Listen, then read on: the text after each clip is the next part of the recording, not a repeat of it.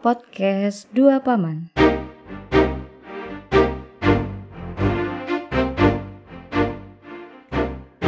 Halo ponakan-ponakan semua.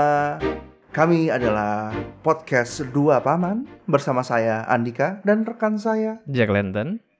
Jack Lantern. Jack Lantern ini memang namanya kebule-bulean tapi tenang aja sama seperti saya dia orang Indonesia asli gitu ya. Lokal, masih lokal. Lokal, lokal, lokal luar biasa. Lokal pride kita ya. Lokal pride. Lokal pride ini kayak itu kayak binatang yang dilindungi lokal pride. Seperti skena gaming juga ya. Apa-apa lokal pride. Iya. ini belum apa-apa sudah seperti itu ya. Tapi Iya, tidak apa-apa. Eh, pokoknya selamat datang ya. Ini episode eh, introduction lah ya. Jadi berkenalan dengan siapa dua paman ini gitu. Betul. Dua Siapa paman tuh ini? apa? Dua paman tuh apa? Jadi dua paman adalah dua orang paman sebenarnya. Dua orang paman. Udah ya? segitu saja ya, segitu saja. Iya segitu aja Bapak jangan jangan teman-teman atau para ponakan ini berpikir terlalu kompleks. Kami adalah dua orang paman ya kan. Iya. Bapak-bapak biasa gitu loh. Tuh. Yang ingin membahas tentang berbagai macam isu yang Yang sangat ada, di muka bumi ini ya. ada di muka bumi ini. Isu Pak. yang ada di muka bumi ini gitu. Ah, betul, betul sekali. Tapi Dan- dengan mode paman. Dengan mode dengan mode mode paman. paman ya. Mode paman. Di mana nanti ponakan-ponakan yang dengerin podcast ini bisa interaksi juga dengan kita di Instagram kita yaitu dua paman dua paman luar biasa. Mantap. ya Kan? Habis itu nanti kalau misalnya kalian mau uh, interaksi sama kita bisa langsung aja DM tuh ke Instagram. Jangan lupa dua paman. Siapa tahu ada curhat-curhat ya. Cuman kita belum tahu juga apa yang mau dicurhatin sebenarnya. Karena ini kan belum episode 1 ya. Jadi mungkin Belum. masih dalam tahap perkenalan dulu nih kita-kita nih. Iya, kita masih dapat perkenalan. Tapi uh, seperti tadi kita udah bahas nih Om Jack nih ya kan. Yep.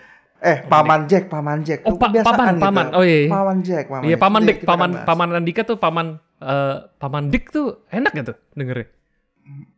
Hmm, agak berkonotasi negatif Hmm. pada satu potong tengah. tuh. Paman Andika, Dika, paman Andika ya, lengkap ya. Iya, Saya iya, akan iya, memanggil iya, lengkap iya. nih ya, paman Andika ya.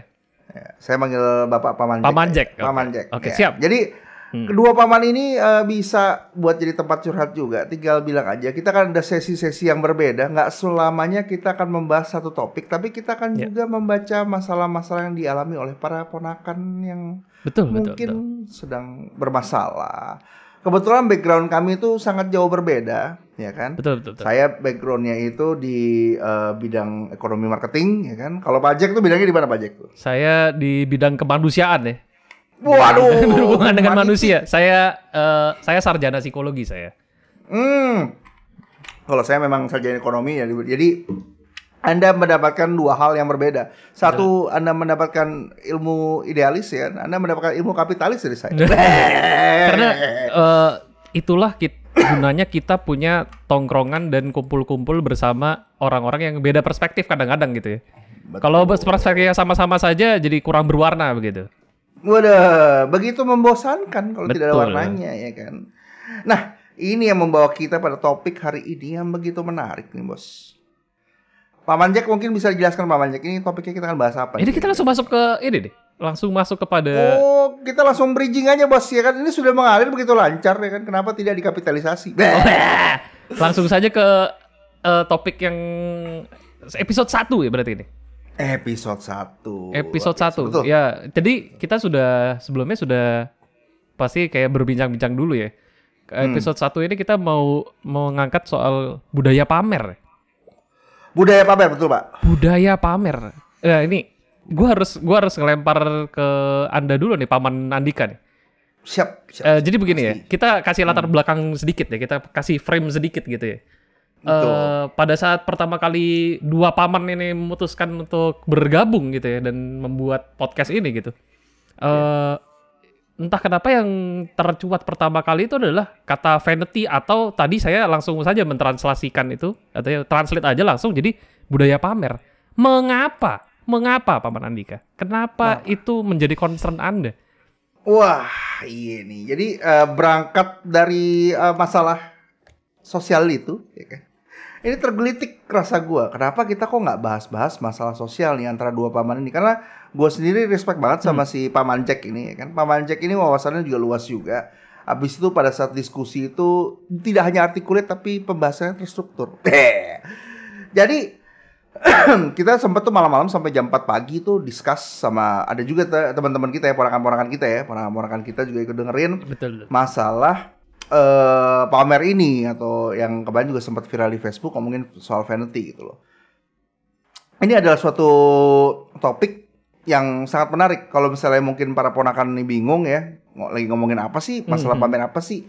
Jadi gini, sekarang itu kebanyakan yang dijual di sosial media, saya misalnya Instagram atau mungkin yang yang yang lebih fun tuh TikTok lah. TikTok gua rasa adalah sosial media yang lebih fun yang di mana eh, konten-konten yang diberikan itu kebanyakan adalah soal pamer something. I- eh, dimulai dari hal-hal yang kecil, ya kan? Dimulai dari hal yang kecil yaitu mungkin pamer-pamer gadget baru gitu ya, sampai jadi hal-hal yang besar banget gitu. Misalnya pamer eh, pergi ke mana, habis itu foto-foto sama siapa atau ya pokoknya ujung-ujungnya menunjukkan kalau misalnya ini loh, gue punya eh, kasarnya uang sebanyak ini gitu loh Ya. dan orang-orang tuh seneng banget gitu sama konten kayak gitu terbukti dengan jumlah view-nya, habis itu jumlah likes yang diterima oleh para eh, Instagram yang kayak gitu. Bahkan kadang-kadang ya, gue merasa gue merasa ini mungkin agak agak ini nih, agak apa ya, agak agak jadi bahan perdebatan nih. Hmm. Gue rasa eh, pamer itu jauh lebih menjual daripada seks. Oh, Hmm. hot take ya, sebuah hot take tuh. Iya, Iya, iya. karena gini, Coba di, gimana tuh? Gua- Dielaborasikan. jadi gue gua lihat dari beberapa Instagram gitu, eh, Instagramnya nggak usah jauh-jauh tapi teman-teman paman kita ya, teman-teman tante, eh, teman-teman bibi, teman-teman paman Ya, gitu kan. Paman dan Bibi. Ya. Ya, paman dan bibi kita lihat gitu ya. Eh, lihat kalau misalnya ada seorang bikin eh yang paling gampang nih ya, lu lihat deh Instagramnya si Dan Bilzerian. Oh, aduh, itu kan salah satu kasus yang paling mencuat tuh di tahun kemarin kalau nggak salah. Ya kan? Dia pertama-tama coba posting eh, foto-foto dia, pamer pamer-pamer badan dia itu like-nya kurang banyak tuh awal-awal tuh. Tapi Hmm. sampai akhirnya dia mikir, "Oh, gue coba gue pamer-pamer cewek-cewek cakep pakai eh, pakai baju-baju seksi gitu ya." Mhm. dia coba posisi seperti itu, wah langsung naik tuh Hmm. likes-nya tuh ya kan, langsung naik likes-nya. Begitu juga dengan eh, siapa pun yang memfollow dia. gitu kan. Tapi begitu dia pamer dia ke sini pakai jam mahal apa segala macem, nah di situ tuh mulai booming. Oh, justru Lebih paling booming lagi. learning curve-nya ya jumlah kenaikannya malah drastis waktu pamer harta ya. Berarti ya. Betul, betul. Ya, tapi itu lompat lagi sih emang sih. Begitu dia pamer harta, pamer cewek sekaligus. Oh, dia iya pamer juga sih. seks, Ada langsung ini digabung. ya, ada akumulasi pamer ya dia. Iya, Luar biasa. makanya Hmm. gue nah gue rasa terus gue gue berangkat dari situ gue lihat lagi oh coba gue check out check out eh, Instagram yang lain deh.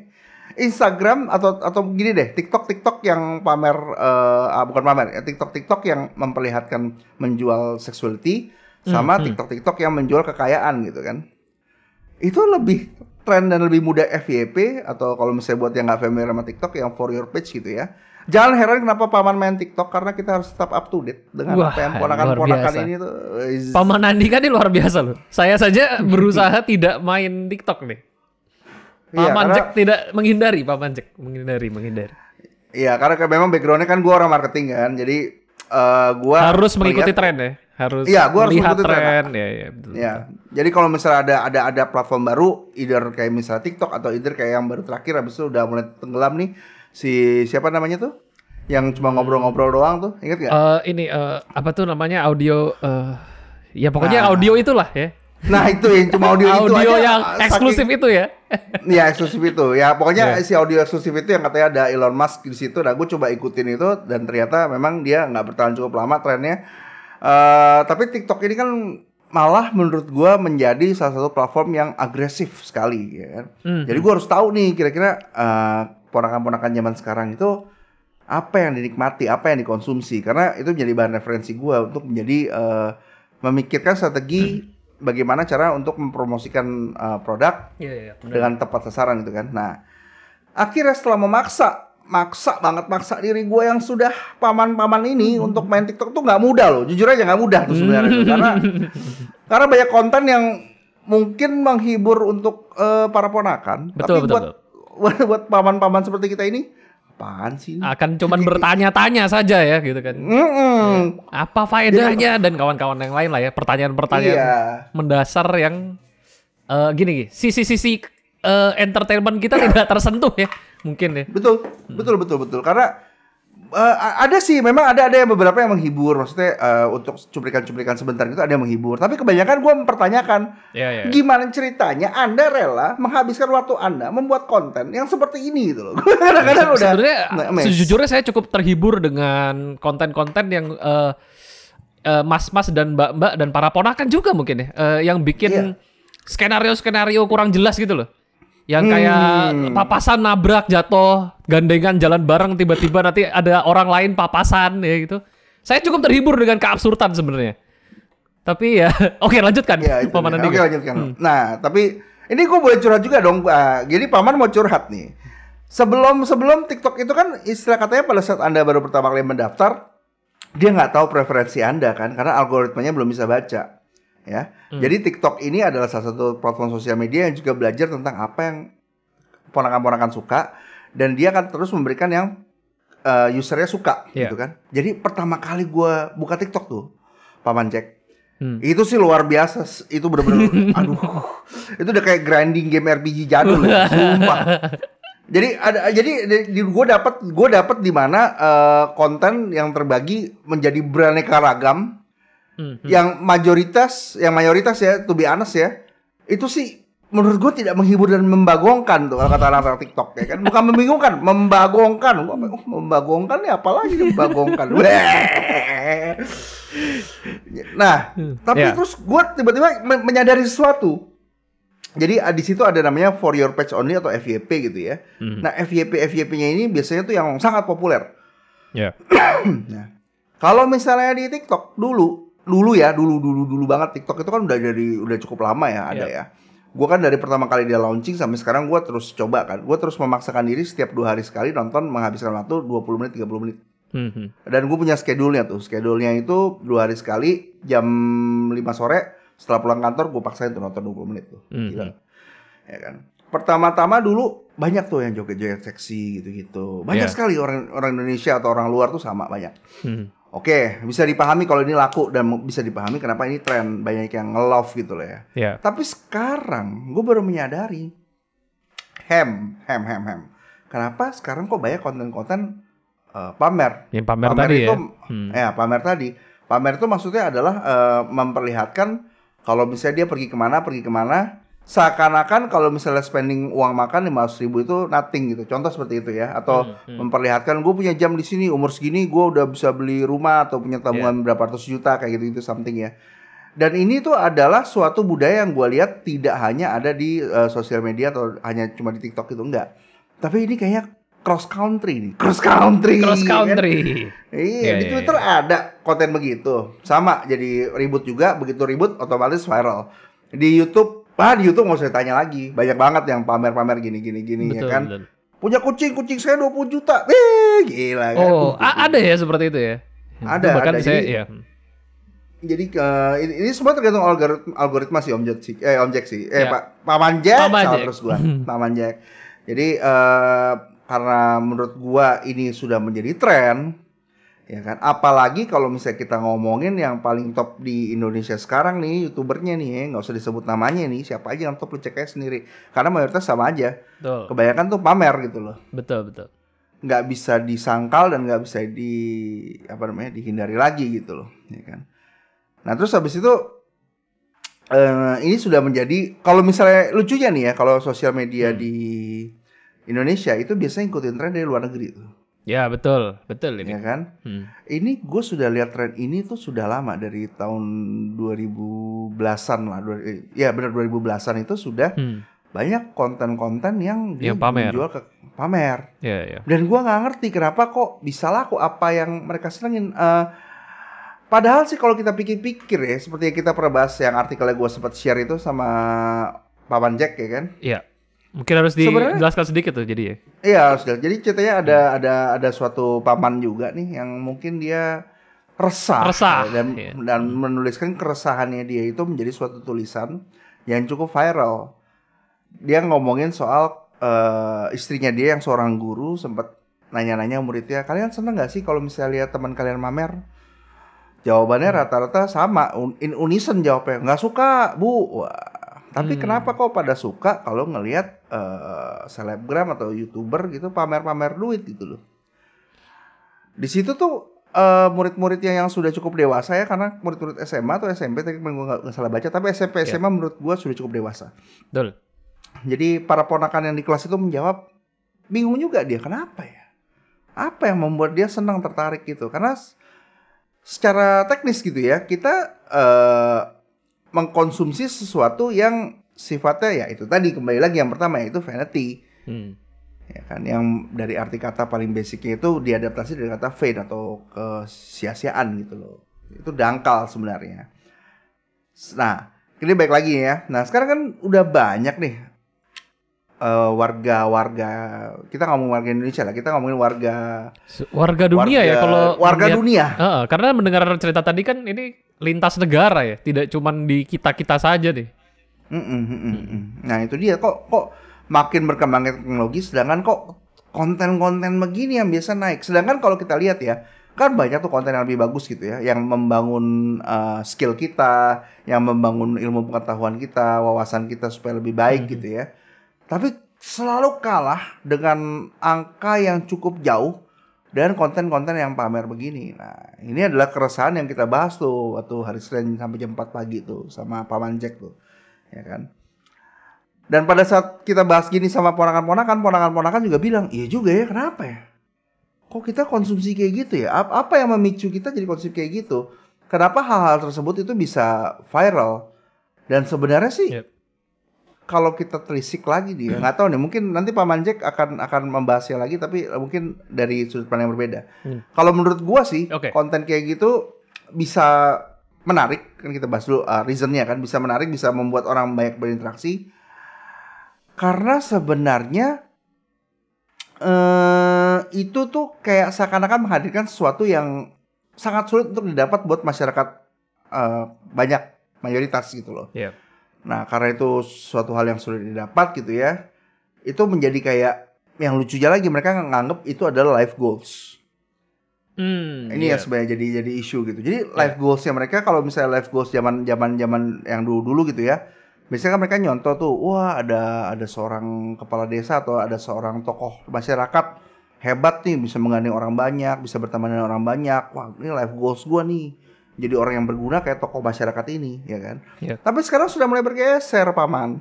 Sudah mulai bergeser menjadi, wah, gua pingin tiap minggu bisa liburan ke Bali. tinggal tinggal di Bali aja bos kalian bos Ja- jangan tiap tinggal liburan di Bali gitu atau gue pingin ke luar negeri tiap sebulan sekali gitu loh nggak kerja itu sebulan sekali atau memang kerjaannya memang benar-benar jadi expat gitu. tapi gue melihat eh, ini adalah suatu hal yang nah ini menurut gue ya kembali lagi menurut gue menurut gue ini adalah suatu hal yang lebih cenderung banyak buruknya daripada baiknya. Jangan dibilang nggak ada baiknya juga, ada baiknya. Beberapa hal kecil.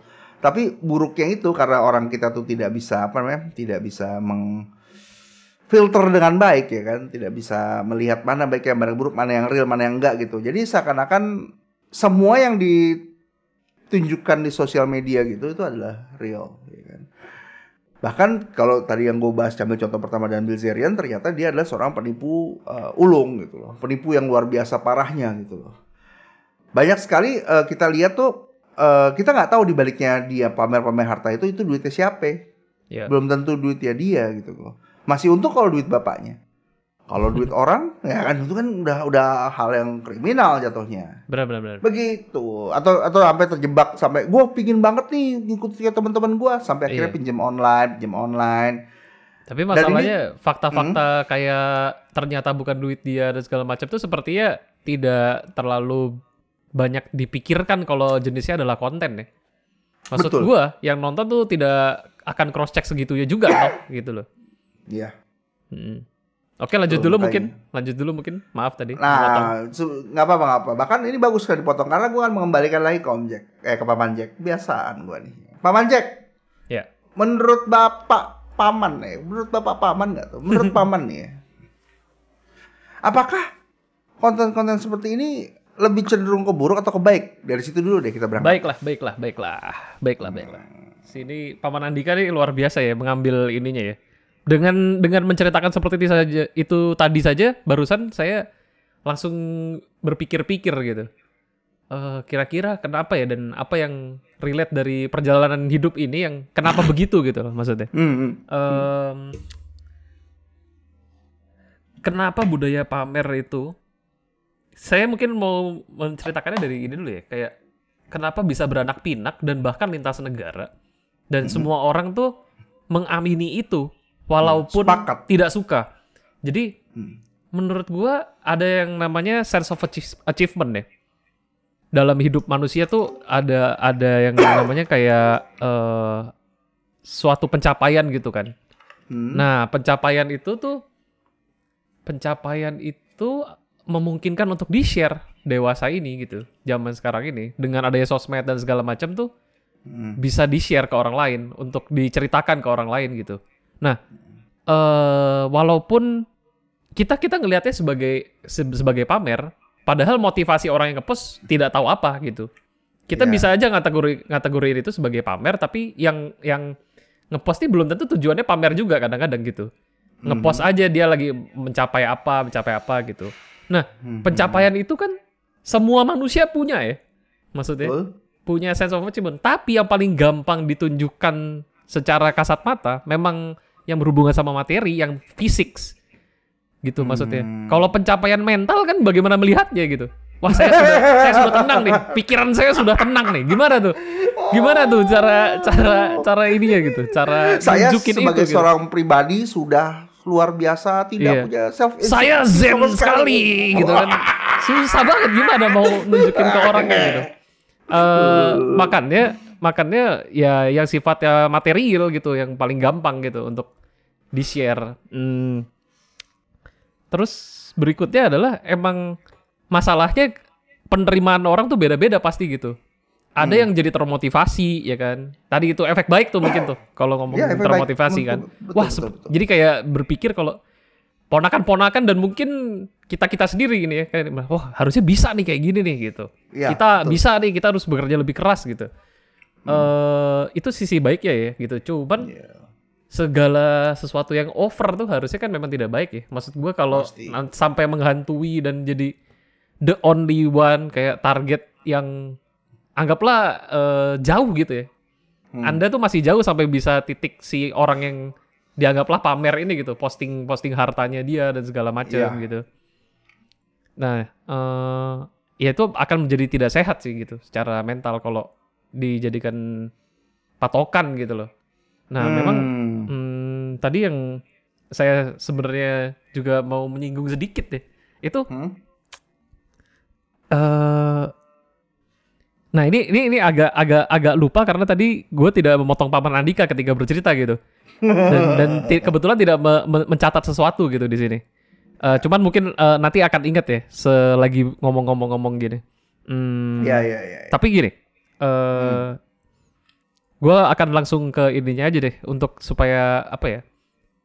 Eh gue sendiri gitu, gue sendiri waktu eh mengalami atau bertemu dengan postingan-postingan yang postingan-postingan yang eh apa tuh? Ke diri kita berasa kurang sehat gitu ya. Ya. Jadi ya emang tugas kita sendiri tuh memfilter gitu. Nah, saya berkaca zaman dulu waktu masih seumuran para ponakan yang mendengar ini. Mungkin itu gimana ya? Zaman itu tentu beda gitu sama sekarang kan. Hmm. Nggak nggak kayak sekarang gitu. Brutality dan overload kontennya tuh nggak kayak hari ini gitu. Betul sekali. Ya makanya itu mungkin jadi skill tersendiri ya yang harus eh dipikirin gitu sama ponakan sekalian dan kita semua juga gitu sebagai paman-paman ini gitu. Hmm. Gimana gimana mengendalikan sosmed masing-masing gitu. Itu kayaknya jadi skill gitu buat gue Ya, ya. betul. Ntar, ntar suatu hari tuh jadi skill gitu.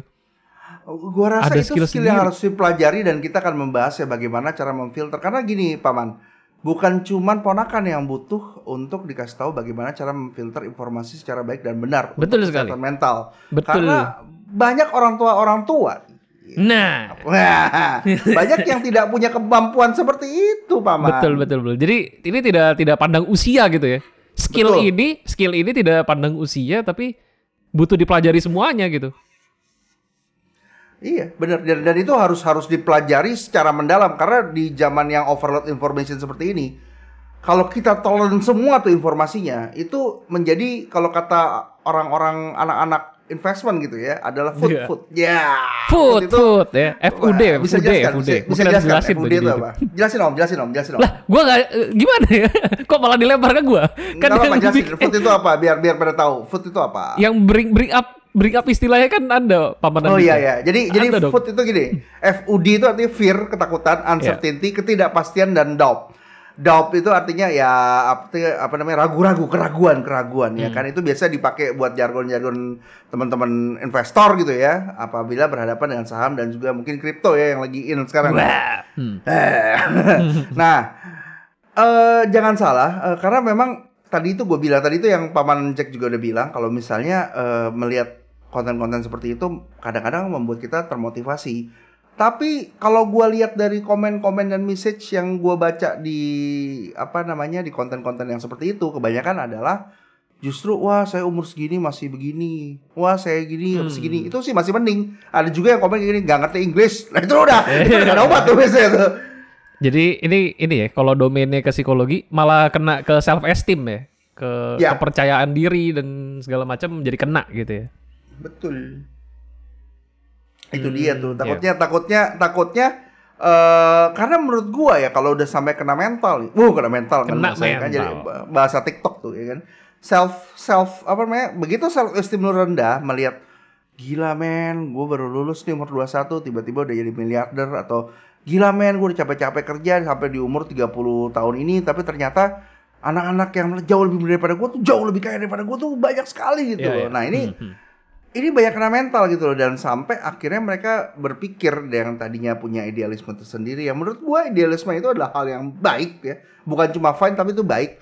Akhirnya pelan-pelan mulai menanggalkan mereka punya idealisme mereka untuk bisa menjadi suatu hal yang komersial gitu loh. Yeah. itu yang sebenarnya jadi menurut gua tidak harus jadi komersil tapi yang penting berguna untuk eh, orang banyak harusnya menurut gua sih seperti itu lebih penting tapi kan ini jadi Betul. bergeser nih Iya, karena karena nih. kena itu ya tadi ya, efek ini ya. Jadi Iya. merasa ada sense of achievement yang kalau mau dipikir baik-baik sebenarnya tidak terlalu relevan dengan diri Anda jangan-jangan gitu. Cuman Mm-mm.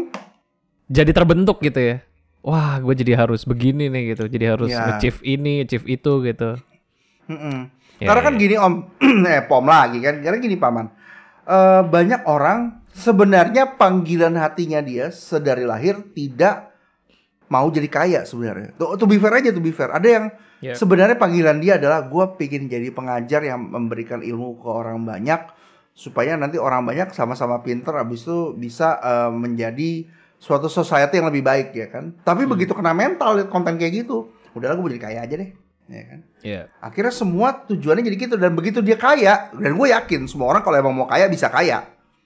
Tapi begitu dia sudah mencapai itu, loh kok di hati gue ini masih ada ruang yang hampa nih. Ya, ternyata itu. tidak segalanya gitu ya.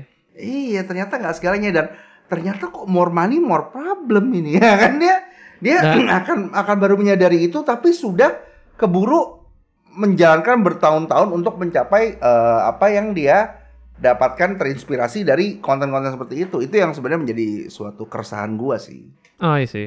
Ya. Hmm. Eh, lanjut. Nah, gue jadi teringat nih tadi soal kenapa begitu gampangnya kan itu sebenarnya jadi digemari orang gitu ya.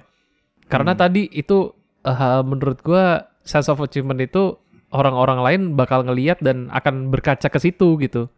Dan itu gampang-gampang banget untuk menga- mempengaruhi orang. Dan ini menjawab pertanyaan kenapa ternyata konten-konten itu lebih hebat dari dan lebih berinfluence daripada konten-konten yang seksi-seksi.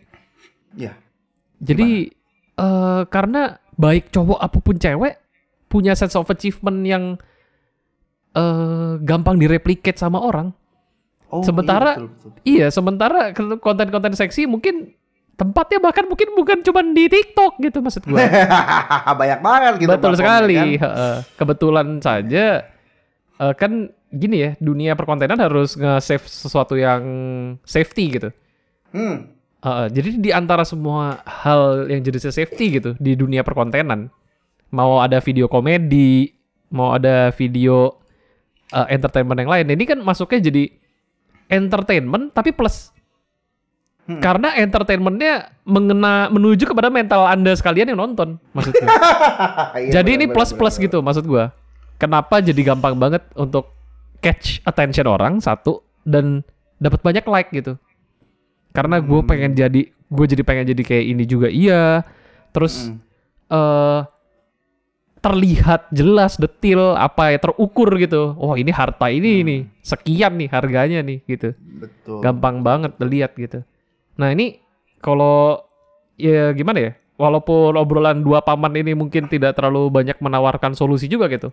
Tapi dengan ngobrol-ngobrol kayak gini sih harapannya jadi berpikir aja sih gitu para ponakan yang mendengar sih menurut gue ya. Iya betul. Karena kalaupun kita ngomong misalkan kayak tadi nih, eh paman Andika kan tadi kan berkata bahwa eh, ternyata kaya itu pada at the end of the day nggak nggak nggak nggak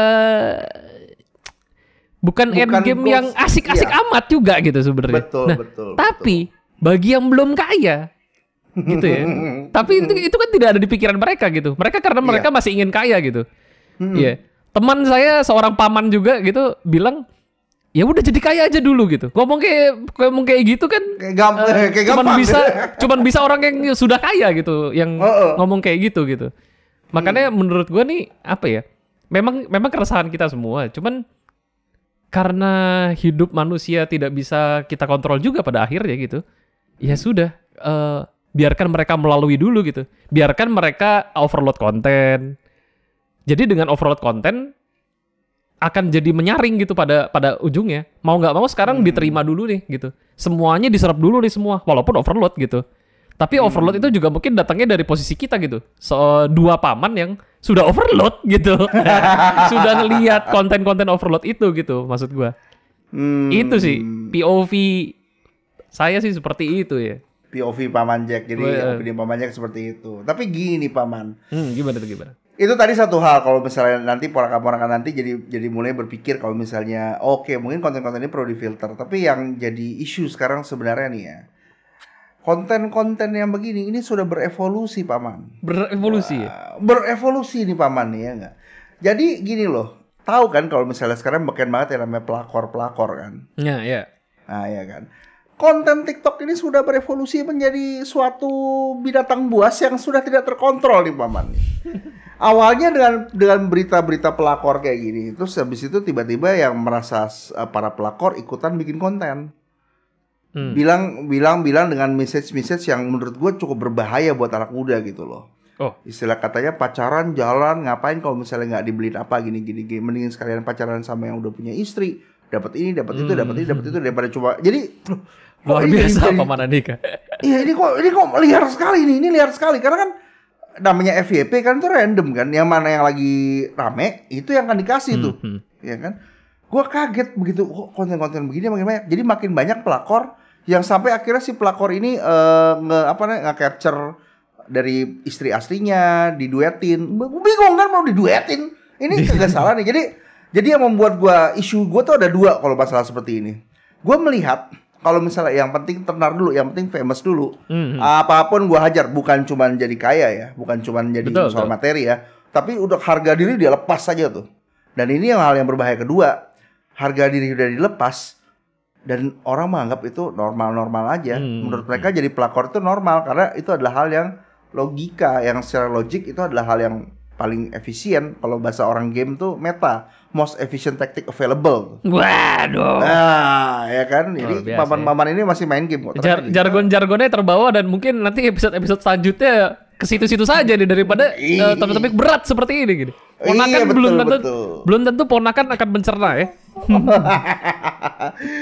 gua rasa gua rasa gua rasa ya tapi tapi dengan dengan seperti itu ya paman Jack ya Hmm. gue melihat kalau misalnya waduh ini kok liar sekali dan dan tidak ada kontrolnya sama sekali dan dari segi TikTok itu adalah suatu hal yang menguntungkan kan atau dari media sosial mana pun itu adalah segala hal yang menguntungkan makanya gua kaget banget waktu Instagram bilang mau menghapus likes jadi likes itu cuma bisa dilihat sama orang yang eh apa namanya orang yang punya ID ID-nya sedangkan orang lain nggak bisa lihat berapa banyak likes yang ada di foto itu. Itu Kaget brave gua. brave move dan banyak sambutan positif itu sebenarnya. Iya, Hmm. betul betul. Itu ada ada itu brave move dan memang banyak sambutan positif. Yang gua rasa itu harus dilakukan di banyak platform lain. Jadi tidak Hmm. tidak memberikan apa ya? Tidak memberikan suatu insentif pada hal-hal yang sifatnya tidak baik ke mental orang dan negatif terhadap um, society gitu. Menurut gua sih gitu. Hmm, hmm. Karena kan kalau misalnya kita bicara konten ya kan kita bukan berarti patokannya harus like ya kan. Ada juga yang nih misalnya gini kita bandingkan ya. Ini kita ngomong agak vulgar sedikit. Misalnya ada nih yang udah setengah mati dia berhasil bikin eh, pahatan suatu patung keren banget di foto likes-nya 3000 ya kan. Ada yang pakai eh, baju seksi sedikit goyang-goyang goyang-goyang goyang likes-nya jutaan gitu. Kayak gak fair banget gitu kan. itu gak fair banget gitu. Jujur aja itu sangat-sangat gak fair gitu. Iya. Nah mungkin eh, dia ngelihat kalau misalnya eh, konten-konten yang lain ada ada ada beberapa hal yang menarik tapi mudah didapatkan. Contohnya misalnya lu jadi anak orang kaya ya lu mudah aja ke luar negeri atau lu jadi cewek kebetulan body lu seksi lu mau pamerin ya itu bisa aja lu mudah keluarkan buat jadi konten. Tapi itu adalah suatu hal yang memang eh, ya itu balik kembali lagi yang pertama vanity gitu loh. Bukan suatu hal yang bagus buat dipromot gitu loh. Bahkan gua lihat Yep. Instagram sekarang mau di- mau lari ke jadi tempat jualan marketplace. Ya betul. Dengan desain yang sekarang ya, shopnya di Iya. kategori ya. Oke. Tuh. Nah itu dia tuh. Nah keresahan gue sih sampai situ aja sih Om. Kalau misalnya ngomongin vanity ini ya. Ya. Poinnya sih buat teman-teman eh buat teman-teman, buat para ponakan. Gue kadang-kadang lupa. Rasa umur gue masih 21, 22 gitu. Buat para ponakan tuh sebenarnya gini. Kita ngomongin sedikit tentang filter konten filter kali ya. Boleh nggak? Ya, mari mari. Oke, jadi maksud kita tuh eh, kontrol siapa yang kamu follow. Ya.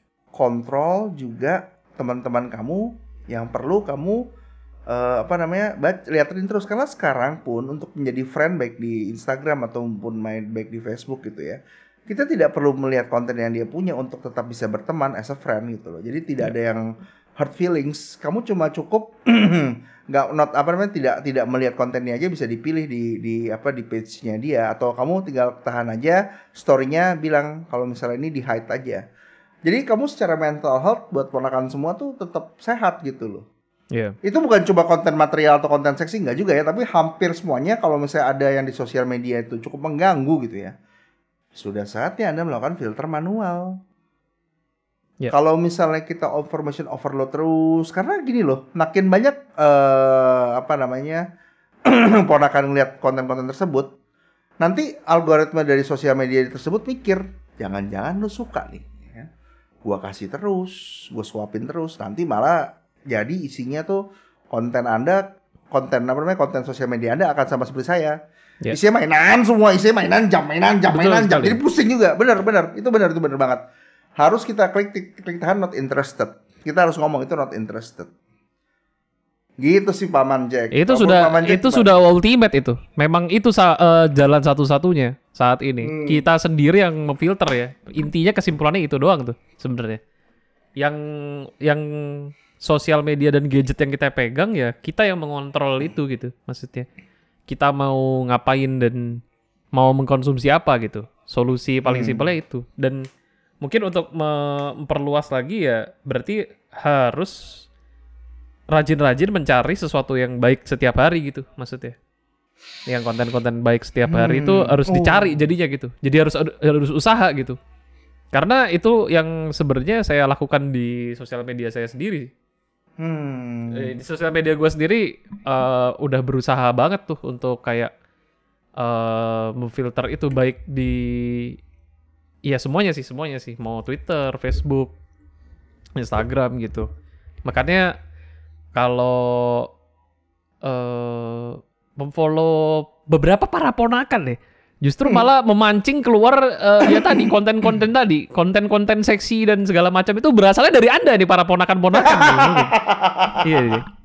Jadi saya Iya, iya, tahu, iya. saya tahu itu asalnya dari mana ya, keluarnya gara-gara siapa dan segala macam tuh eh, kita mesti ini sendiri, sadar sendiri. Oh ini keluar Hmm. konten-konten ini keluar nih gara-gara gua nih follow ABCD gitu sebenarnya. Betul.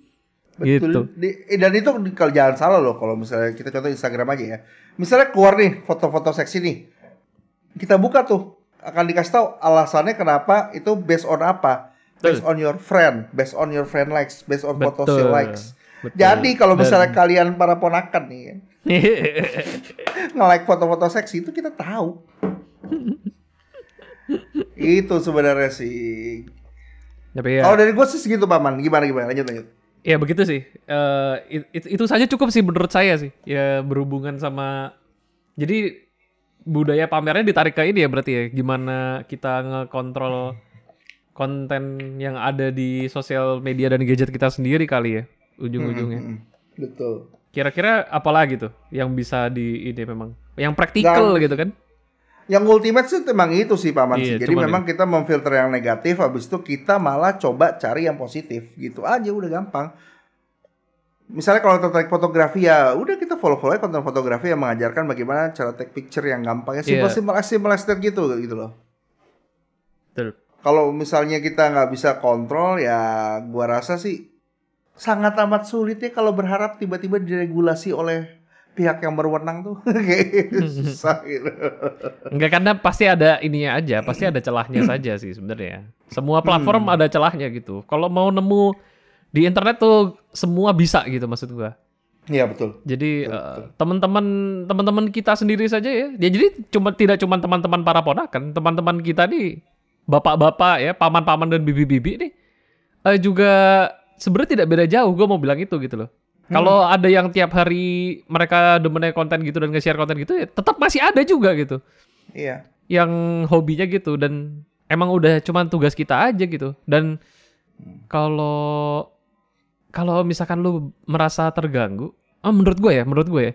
Nah ini ini nih yang yang mendengar ini nih juga jangan terpancing untuk berdebat tentang hal-hal ini atau ngomelin temen lu yang lu rasa ini deh karena nggak mungkin masuk gue rasa. Kalau lu berusaha ngomelin temen lu dan segala macam gitu tuh kayak udah lu lu jangan ini lu tiap hari jangan kerjaannya nge-search konten-konten nggak bener mulu gitu. Menurut gua nggak masuk tuh. Maksud gua kita jangan jadi just apa ya social justice warrior yang rese yang mana itu jadi ngelewatin batas ini gitu. Kayak kita kitanya jadi rese malahan.